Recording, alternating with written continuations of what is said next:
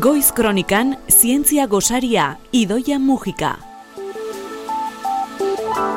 Aste honetan nazioarteko albisten artean irakurri dugu Ekuadorko Amazonia inguruan urrebilaketa baso galtzeak, uren kutsadura handia eta oroar natur hondamendia eragiten ari dela. Urrearen dizdira eta aldi berean ekartzen dituen bestela kondorioak oraindik hor daudela gogoratzen digun albistea. Urrea zariko zaigu gaur, Idoia Mugika materiaren fizika zentruko komunikazio eta divulgazio arduraduna. Kaixo Idoia, 2008 bion. Berdin igot, kaixo. Ondo hasi dugu urtea? Ni bai, hemendikan muxo handi bat ba konfinatuta dauden guzti eta bar. Bai. Eta bereziki amaia arregiri. Bai, amaia gaixua, ba, hortzen Beste asko bezala, Bai, beste konfinatuta, ura ere, eta eta ongi osatu da dira eta, eta espero dugula hemen laster. Urrea aipatu dugu. Urreak erakusten digu, nolabait, taula periodikoan dauden elementu guztiek ez dutela inondik inora garrantzia bera, ez da idoia? Ez, ez dute garrantzia bera, e, zentu askoretan, ez? Adibidez, bakarrekan kontutan izango bagenitu bizitza ulertzen dugun bezala, zein elementu beharko genituzken, ba, guge bizirik egoteko, gaskukara badago, adibidez, karbonoa, hidrogenoa, oksigenoa, nitrogenoa, fosforoa, agian izen hoiek ezagunak zaizkigu, eta hoiek dira gugeana osatzeko behar ditugun Ezinbestekoak, ezta? Ezinbestekoak diranak. Beste batzuk ere behar ditugun da, azke, agian batzuen, batzuentzat harrigarria izangoa jakitea, gure gorputzan ere, metalak behar ditugula, adibidez, burnian, nola Mhm, ez? Baina baita bai. sodioa, kuprea, kobaltoa bezalako elementu. Osasunarekin lotuta dauden. Bai, benetan pixutsuak diran metalak gaina. Osasunarentzako ezinbestekoak dira. Eta nola ez, ba, gaur egungo teknologia eta gure ekonomia sistema ba, oso neurri handi batean dago nolabait jarrita metal konkretu batzuetan. Ba, hoietan adibidez urrea.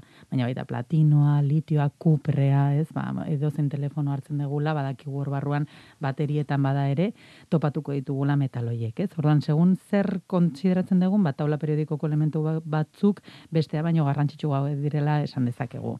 Eta zerk egiten du urrea berezi? Ba, niri beti atentzioa deitu izan dit elementu hau kimikaria naizela badakizu, eh? orduan nire etxera ekarri dut gaia. Jakin dezazuen urrea metalik malguena eta erekorrena dela. Hau da, oso oso oso erraix deformatu dezakegula, arian bihurtu ez da kasualidadea, ba, inbeste bitxi eta urrez eginda egotea. Oso erraz deformatu egiten dela dalako. Adibidez, datu bat emango dizuet. Urre ontza bat, dala ba, unitate bat erabiltzen dala metalen inguruan, dia, gutxi gara bera, hogeita maika gramo, hogeita zortzi metro karratutako estalduko logen xafla batean molda daiteke erraix. Hau da, ba, deformatuz eta deformatuz, hogeita zortzi metro karratu, hogeita maika gramo bakarrekin. Niretzako hori da bastante Bai. esanguratsua. Baita ere, beroaren eta elektrizitatearen eroale oso ona da. Baina gian garrantzitsuena da urrearekin da, aireak eta agente kimiko gehienek ez diotela eragiten igot. Osea, ez- Beraz, kalte e, egiteko oso zaila den e, elementua dela, ezta? Hori da, horregatik da hain baliotsua, ze dano dakigu, jakin badakigu, urrezko zerbait daukazunean, ez airez, ez urez, ba, egin diezaiokezu, ia nahi dezuna, egunerokatuzunean, e, berari etzaiola ezer gertatuko. Ezetasuna eta marruskadura eragiten duten agente gehienen aurka oso ondo babestua dagoelako, eta horregatik agian estatuek, hainbeste garrantzia ematen diote, urre itegiak e, izateari, ezta? Hain, Bai. Horrelako garrantzia du ba, gure aberastasunean nolabait, urrea hor egongo delako gero ere, ez? E, Bai, uste, uste horrekin, baina horri lotuta, urreak ze kalteak ere eragiten dituen, ez? Lehen aipatu duguna hain justu, ez da, hainbesteko garrantzia duenez, ba, Bai. ba, mendeetan zehar, ez da? E. Historikoki oso baliotsua izan da, eta hasiera hasieratik konturatu ziran, ba, e, zibilizazio guztiak metal hori oso preziatua zala. Zentzu askoretan ze ez da oso ugaria ere, ez aurrek ere ematen dio bere balioa, baina behin e, isolatuta daukazula, ez du erreakzionatzen ezerrekin eta honek badauka bere garrantzia gaurko egunean adibidez, ba gure zentroan bezalako egiten diren ikerketetan oso interesgarria da eukitzea zerbait badakizuna ez dela inolaz ere aldatuko kimikoki, osea, egin ditzakezu hor erreakzioak egin ditzakezu prozesu pila bat eta bera mantenduko da zegoen bezala. Adibidez, Zientziarako oso baliagarria dela, beraz. oso barriagarria da. Hain zuzen ere, ba, ez dalako bat ere erreaktiboa. Aha. Gatozen urrearen jatorrira, nondi dator urrea? Ba, urrearen jatorria topatzeko unibertsora joan behar gera, Mhm. ba, nirien beste gustatzen zaidan izarretara ze izan ere, urrea ez da erraxa lortzea. E, beste elementuak aipatu dituguna karbonoa, hidrogena, harinak diranak, izarren nukleoetan osatzen dira. fusio nuklearra esagutzen den prozesu bada, ez hor sartuko, baina jakin jakin dezazuen izarrak dirala elementuak egiteko, ba baiteko fabrikak, ez industriak, baina ez elementu guztiak. Badaude batzuk, hain zuzen ere, burnia baino astunagoak diranak, ezin dirala prozesu horietan egin. Naiz eta prozesu horiek ja nahiko bortitzak diran, ze izarretan gertatzen den guztia, imaginatuko dezun bezala ba, energia pila badoka, ba, badaude batzuk, oraindik energia gehiago behar dutenak. Arrapaketan neutronikoa izenez ezagutzen diren prozesuak dira, eta ez dira bat ere oikoak. Izan ere, hiru ingurune topatu dira unibertsuan, nun baldintza hain bortitzoiek sortu daitezke. Supernova izango litzateke bat, supernova da izar oso masibo batek eztanda egiten duenean. Aipatu izan dugu saio bai, honetan, bai. aipatu izan dugu. Ba, prozesu horretan ematen dira baldintzak burnia baino aratago dijoazen elementuak urreak barne sortzeko. sortzeko. Baita ere neutroi izarren e, fusioa. Neutroi izarrak dira supernova bat eta gero zer gertatzen zaion izar bati, ba, bihurtzen da neutroien izar bat. Hau da, neutroiez jositako e, eremu bat, baina berez ja ez dana e, supernova bat, ja ez da pasada, eta hor gelitzen dana, oraindik funtzionatzen du, ba, baldintza horiek ematen dira, fusio horiek e, egiteko eta elementu horiek sintetizatzeko. Eta hurrengoa dala, harik eta bueno, ni emateo zientzia fikzioa zizten ari gerala, baina neutroi izar batek zulo beltz batekin talka egitea egotu. Uh -huh.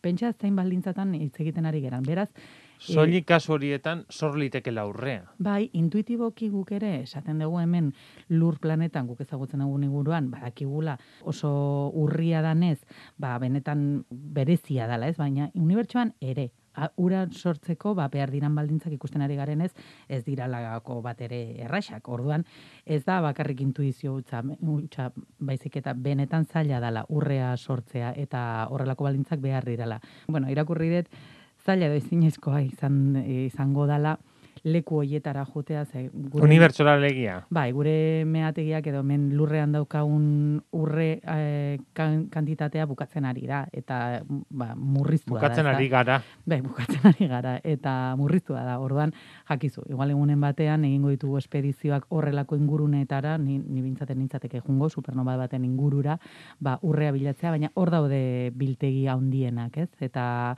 eta orain oraindik ere ikerketa oso oso handiak egiten dira jakiteko unibertsoan nun dauden urreko puru hoiek. Beraz, honekin ondori estatu behar du bideia, lur planetan urrearen sorburu aurkitzeko ere unibertsora begiratu behar dugula. Bai, eta bi gauza esaten digu, alde batetik gure izarra ez dala jaio berez, ba, bera bakarrik, baizik eta beste supernova baten ondorio ze sortutako izar bat dala, ze gure guzki sisteman elementu hauen presentzia dago. Orduan horrek esan nahi du, nun baiten, ba, bi, bi neutroi izarren talken ondorioa gerala, beti esaten duguna ez, izarren hautsa gerala.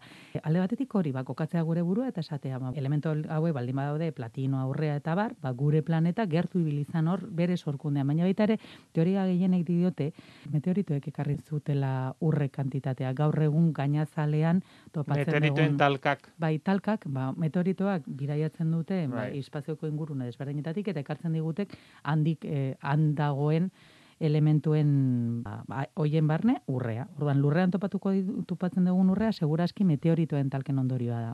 Gaur ala ere, bitxikeria gisa, koloretako urrea zer egin nahi diguzu. Zer da hori? Bai, ba, baitu. Beti bentsatzen dugu urrea dala badiz dira kolore daukan hori, ez, hori kolorekoa, ba, aipatu ditugun propietate guzti horiekin, baina gaur egun jakin badakigu nano munduan sartzen zeranean, urrearen propietateak zeharo aldatu egiten dirala eta urrea izaten jarraitzen du. Alegia, adibidez, kolorea aipatu dezuna, ez? Zati txiki txiki txikitekientan banatzen badezu, satitzen badezu urrea, oraindikan ikusi ikusten badezu eukiko ditu, ba ezagutzen Begi bistaz ikusi badaiteke urrea dela antzemateko moduan distira hori izango lukela. Bai, baina kapaza bazea eta bagera eun nanometro, adibidez. Zer da eun nanometro ez da? eun nanometro oso, oso, oso, oso txikia da, hain txikia begibistazia galtzen degula. Baina horrelako zatitxoak egingo bagenitu, urrearen kolorea aldatu egiten da. Zatitxo horiek diametro hori balute, eun nanometrokoa, laranja kolorea eukiko lukete. Aldiz, diametroa berrogeita mar nanometrora murriztuko bagenu, berde kolorea. Orduan, Da, pentsaze... Beti ere mikroskopio ikusi beharko genituzken koloriak, noski. Oso, oso, oso, oso, oso, tamaina txikietan mugitzen ari gera bai. Eta hau, ba, bitxikeri gutxa, badirudi ere, Eta hala da, nik ikusi izan ditute, laborategian prestatu izan ditugu, ba, botetxo desberdinetan, dakizula, ba, moztu egin dutela urrea zati txikietan eta e, partikula hoien diametroa kontrolatuta, ia hortzadar bat sortu zuten laborategian, eta guztia urrez sortuta zegoen. Orduan, polita dere jakitea, ba, propietateak beti dituta gaude, pentsatzea materialen propietatea dirala, ba, ezagutzen ditugun materialak, ez? Eta eskuzikutu ditzageonak, eta hoiei lotu egiten dizkiegu, ba, aipatutako gauza guztiak. Kolorea, elektrizitatea garraiatzea edo ez, baina, nano munduan sartzen zeranean beste unibertso bat sortzen da. Unibertsora jungera ulertzeko zein da urrearen jatorria, baina hemen munduan ere, gure planetan ere, badakigu hor beste unibertso bat ireki zala. Ze propietateak, ba, kolorea da aipagarriena edo betu bitxia dana, baino beste propietate asko ere aldatu egin daitezke nano eskalan sartzen gara. Eta nano mundua, aipatu izan dugu guk medikuntzarako esaterako oso garrantzitsua izaten ari da. Aipatu nahi diguzu, koronavirusa eta urrea lotzen dituen albiste bat. Nola ez? Bai, bai, bai nola ez. ez koronavirusa ere sartzen zaigu hemen. 2008an Indea Institutoa, Madriden dagoen instituto batek, garatu zuen teknika bat hain zuzen ere, ba, nanopar, urrezko nanopartikulentan oinarritutako kolorimetriaz e, oinarritzen dan test bat, detektatzeko koronavirusa. Erraix, erraix esplikatuko dizu, zen eri oso polita iruditu zait. E, bideo bat dago interneten gaina, eta ikusten da nola prestatzen duten, aipatu dizuedan disoluzio bat, non ezagutzen duten urrearen diametroa, edo sortu dituzten partikulen diametroa, eta gorriska kolorea dauka, hor prestatu duten disoluzioa, ardo bat izango balitze ezala. Urre horri lotu diote denearen zati bat zein justu kodifikatzen duen SARS-CoV-2aren, uh koronavirusaren, bai. genearen sekuentzia txiki bat. Lotu diote hor urreari, eta hor enkapsulatuta dago nola bait. Justu virus horrena, eta ez beste e, virusarena. Bai. Orduan, zu, lo, sartzen dezunean, gehitu egiten diozunean, ba, disoluzio horri, covid daukan beste likido bat, hau da, zure txistua bai, edo bai. denakoa, hor ARN egongo da virusarena jakizue, ba, gure viruson zoragarri honek ARN virus badala, ez?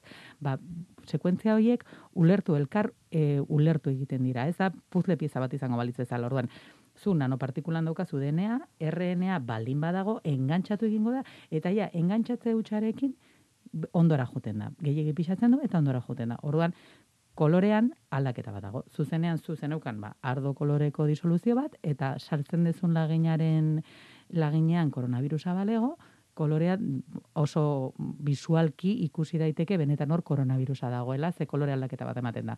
Orduan, polita bai, ezin izan dute garatu mm, ba, komertziala izan dadin, ba, badakigudanak antigenoen testak ba, zer diran eta nola erabiltzen ditugun gaur egun. Komertzialki ez du funtzionatu, baina urrea eta koronavirusa lotzen zituen test bat izan bada. bai, eta jakizu gero zer etorriko zaigun, baina bueno, behintzat, ba, bitxikeria dana aplikazioa ere dezakela. Eh. Urrea dena, metaforikoki, zuen izatea, igandero, igandero. Idoia da torren igandean, berez espero zaitugu zientzia gozarian. Mi esker. Eskerrik asko igotz.